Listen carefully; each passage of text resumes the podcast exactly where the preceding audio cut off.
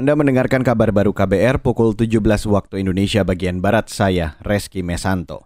Saudara Badan Pemeriksa Keuangan menemukan dugaan program Kartu Prakerja tidak tepat sasaran. Ketua BPK Isma Yatun mengatakan, penyaluran dana Kartu Prakerja salah sasaran mencapai lebih dari 280 miliar rupiah.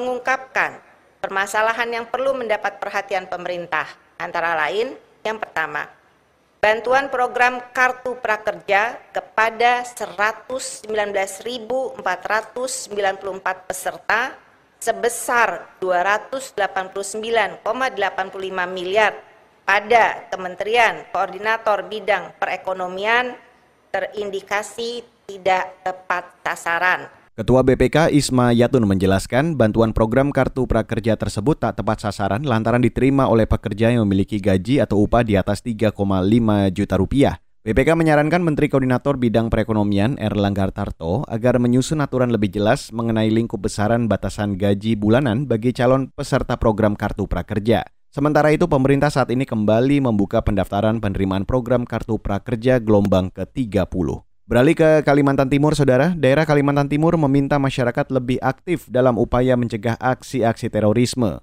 Juru bicara Polda Kalimantan Timur, Yusuf Sutejo meminta warga melakukan pengawasan ketat di lingkungan masing-masing. Selain itu, warga juga diharap melapor ke RT maupun RW setempat jika menemukan aktivitas warga yang mencurigakan.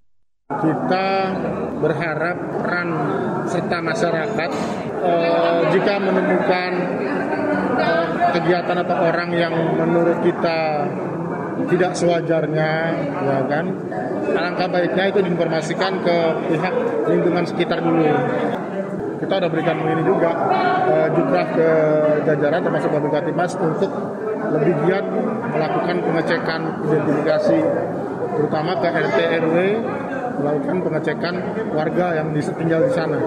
Juru bicara Polda Kalimantan Timur Yusuf Sutejo mengatakan, Polda tengah membuat petunjuk pelaksanaan terkait penanganan dan pencegahan terorisme ke tiap Polres hingga Babin Kaptipmas di wilayah masing-masing. Belum lama ini, Detasemen Khusus 88 Anti Teror Mabes Polri menangkap terduga teroris yang bersembunyi di Kalimantan Timur. Sebanyak 28 orang ditangkap di Kalimantan Timur dan Sulawesi Tengah dalam bulan ini karena diduga terlibat jaringan Mujahidin Indonesia Timur dan ISIS. Saudara, Belgia jadi negara pertama yang mengharuskan warganya yang terpapar cacar monyet menjalankan karantina selama tiga pekan. Aturan ini diterapkan oleh otoritas kesehatan Belgia setelah penemuan empat kasus cacar monyet di negara itu. Pemerintah Belgia juga mewajibkan masyarakatnya yang bergejala seperti flu, pembengkakan kelenjar getah bening, timbul luka atau ruam untuk melakukan pemeriksaan medis. Berdasarkan catatan Organisasi Kesehatan Dunia (WHO), ada lebih dari 100 kasus cacar monyet ditemukan di 12 negara dunia. Dan saudara, demikian kabar baru saya Reski Mesanto.